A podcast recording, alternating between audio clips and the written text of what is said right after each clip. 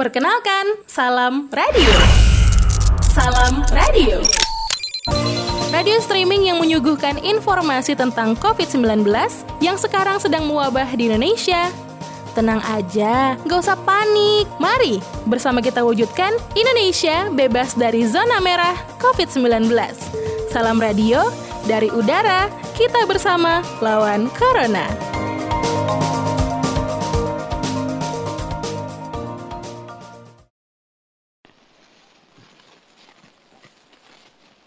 Halo, Waalaikumsalam Pak Agus. Ya, Pak Agus. silakan Mas Singki eh, memberikan catatannya pada malam hari ini.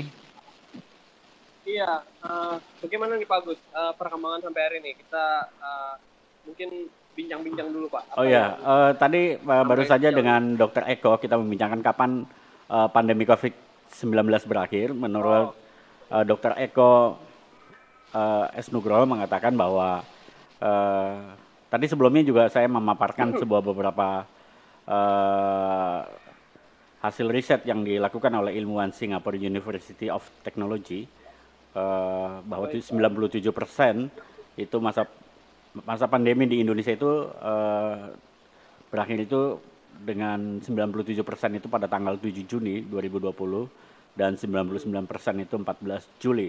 100 persennya adalah di 7 September tahun 2020. Nah, eh, lalu Dr. Eko mengatakan bahwa eh, dia tidak mengukur eh, dari ukuran kapan tanggal berakhirnya hanya melihat dari eh, sebuah pergerakan terhadap eh, tindakan dan upaya yang dilakukan oleh pemerintah dan masyarakat untuk bersama-sama eh, menanggulangi eh, penyebaran COVID-19.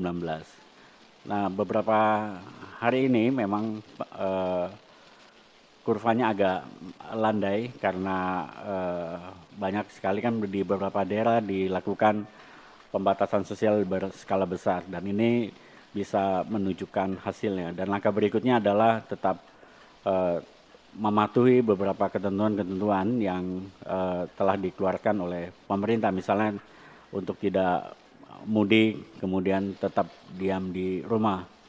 Adapun eh, misalnya di DKI Jakarta eh, PSBB eh, rencananya eh, akan berakhir pada tanggal 22 Mei.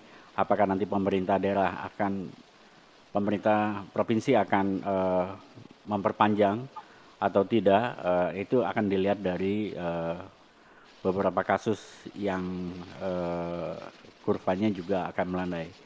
Nah, diasumsikan eh, eh, walaupun tidak diperpanjang itu ada rel- relaksasi dari PSBB itu sendiri. Jadi hanya bagaimana mengkomunikasikan dengan masyarakat agar ini tidak menjadi euforia.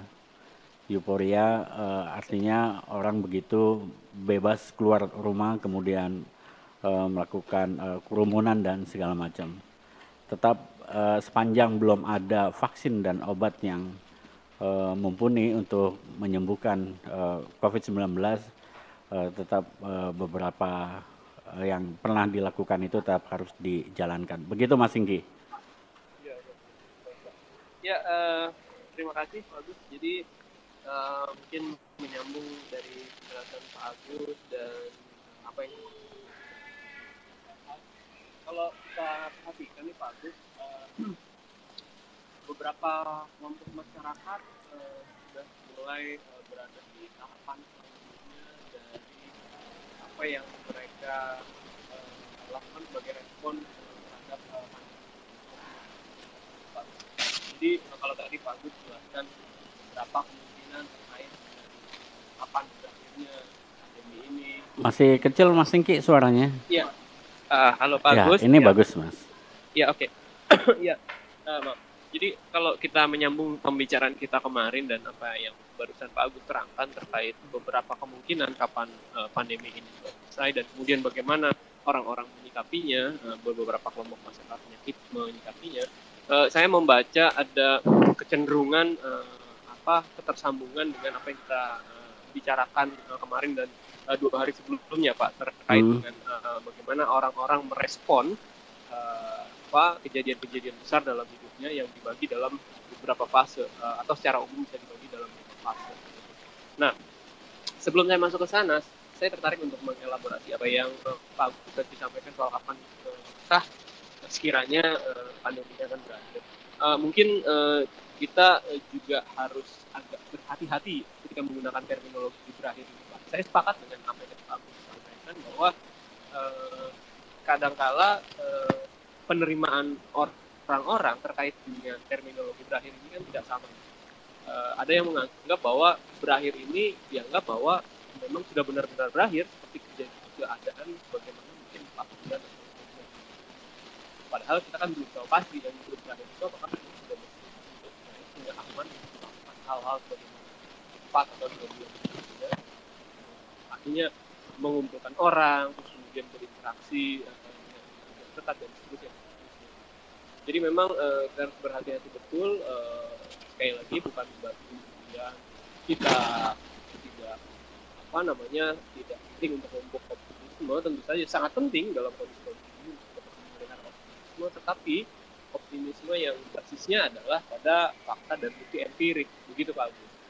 Kan kemudian optimismenya adalah optimisme yang cenderung semu dan uh, apa namanya uh, relatif uh, didasari atau dilandasi pada hal-hal yang cenderung uh, menyangkal realitas kira-kira seperti itu Pak Nah, uh, lalu kemudian uh, kalau kita membaca atau memperhatikan apa respon orang-orang terkait dengan konsep-konsep kebaikan yang apa dalam hidup.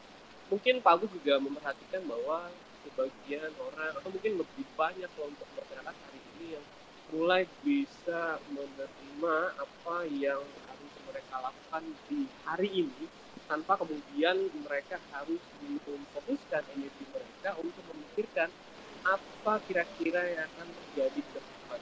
Maksudnya dalam kaitannya kapankah pandemi ini akan berakhir?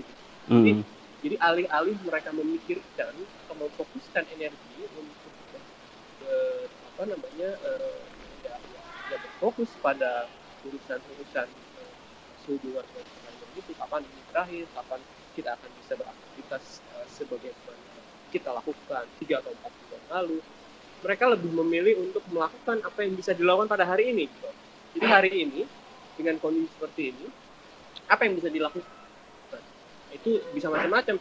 Bisa aktivitasnya membantu orang lain bisa aktivitasnya bahkan membantu juga diri sendiri membantu diri sendiri itu maksudnya adalah beraktivitas yang bisa memastikan uh, pribadi masing-masing ya, diri diri sendiri ini itu juga uh, bisa tetap berada dalam keadaan sehat yang paripurna. Kesehatan paripurna itu maksudnya bukan hanya fisik bagus, tetapi hmm. juga mencakup uh, pikiran dan juga jiwa. Jadi body, mind, and soul itu seimbang.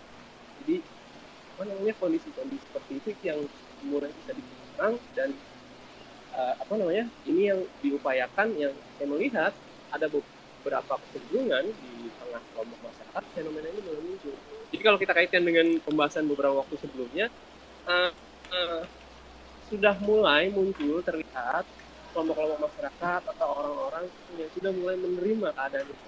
Ada pada level acceptance bagus. Hmm. Jadi tidak lagi menyangkal, tidak lagi apa namanya denial gitu ya, hmm. atau juga tidak lagi marah, ya tidak lagi marah, tidak lagi marah menyalahkan orang lain, atau juga sudah lewat fase depresinya. Jadi udah nggak memikirkan bahwa uh, ya udah ngapain lagi misalnya uh, apa sih apa sih gunanya melakukan ini dan itu pada akhirnya uh, akan terinfeksi juga misalnya itu apalagi dia berpikiran sangat pesimis bahwa suatu infeksi akan apa mengalami kondisi yang parah dan jadi berujung pada apa mungkin sesuatu yang dia bayangkan sangat sangat apa ya sangat mengerikan gitu ya. sehingga dia sehingga dia masuk ke dalam fase depresi tapi sepertinya sudah melewati itu semua dan sudah bisa menerima.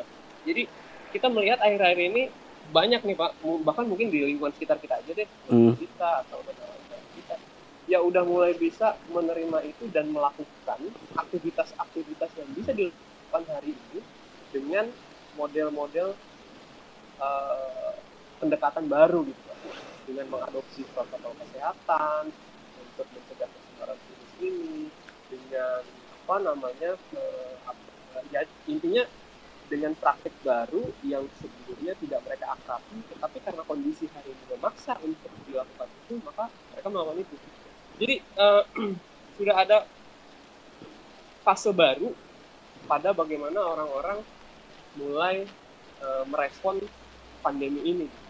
Jadi jadi sudah mulai ada penerimaan-penerimaan yang berujung pada aktivitas-aktivitas baru yang dilakukan oleh berbagai pemerintah. Ini juga e, selain tadi yang kita sebutkan yang mungkin kita lihat di sekitar kita beberapa kawan, beberapa saudara atau tetangga itu yang mulai bergerak sebisa mungkin dengan apa sumber daya yang mereka miliki hari ini untuk melakukan apa pun yang yang mereka nilai bisa berguna bagi pertama tentu saja bagi dirinya, bagi keluarganya dan bagi orang banyak. Hmm. Uh, baik biasanya yang umum kan memberikan bantuan, donasi dan seterusnya.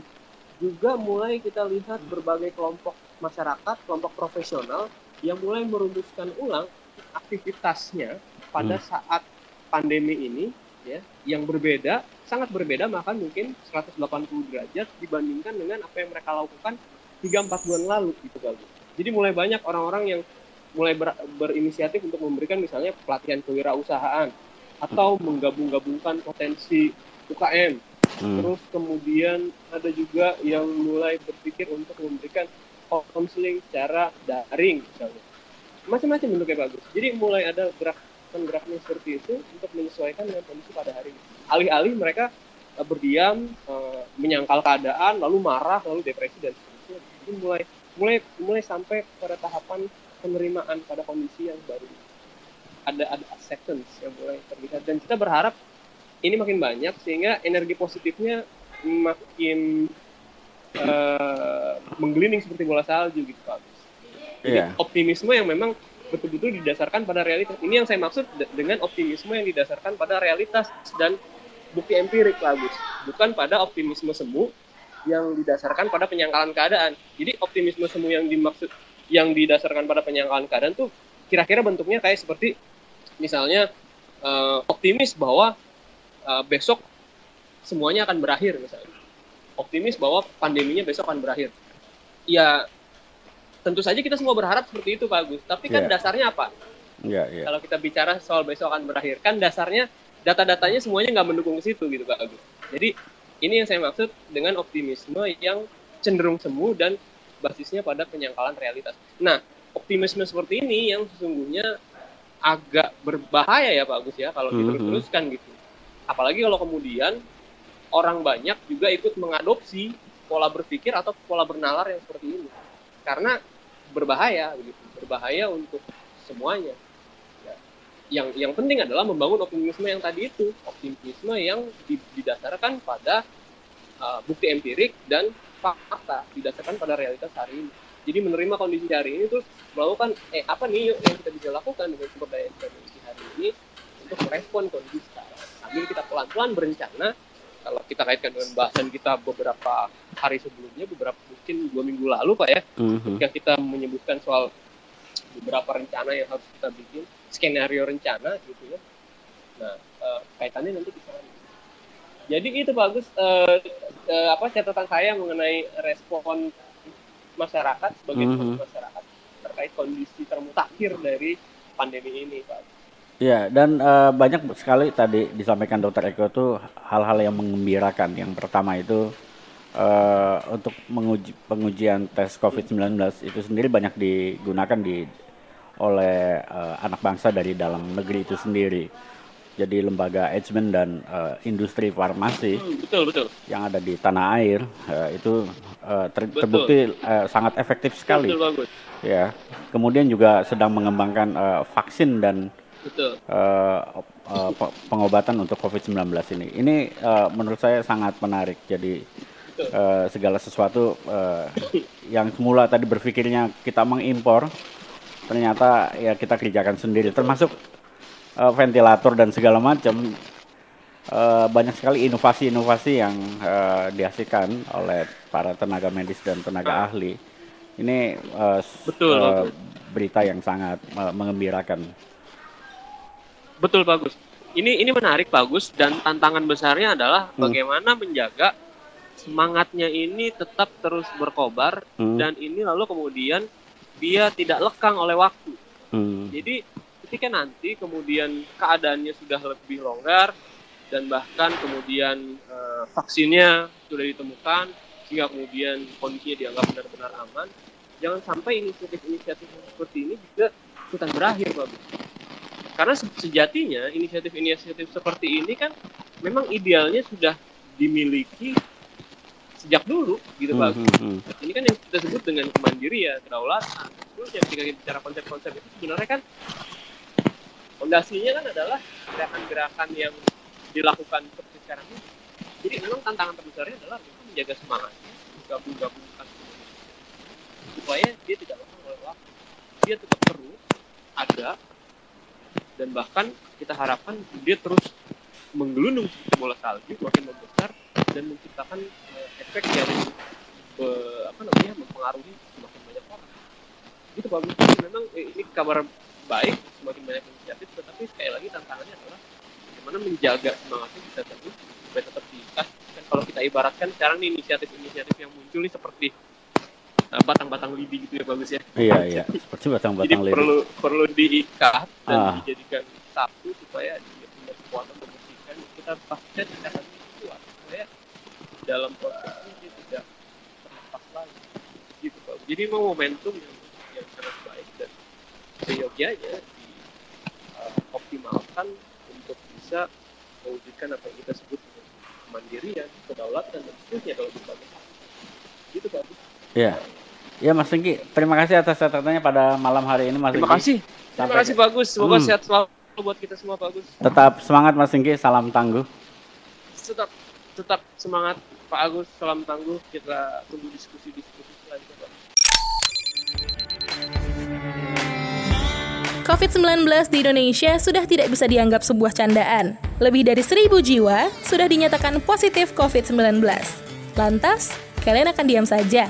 Tentu tidak. Lakukan langkah-langkah pencegahan yang pasti harus dilakukan semua orang. Pertama, melakukan aktivitas bekerja, belajar, dan beribadah di rumah. Kedua, kurangi kontak fisik seperti bersentuhan dan bersalaman. Ketiga, jangan melakukan aktivitas di luar rumah kecuali ada hal penting yang harus dikerjakan. Jika sudah selesai, diharapkan untuk langsung pulang ke rumah dan membersihkan seluruh badan. Keempat, rutin untuk mencuci tangan sebagai upaya pencegahan. Informasi ini disampaikan oleh Salam Radio. Dari udara, kita bersama lawan Corona.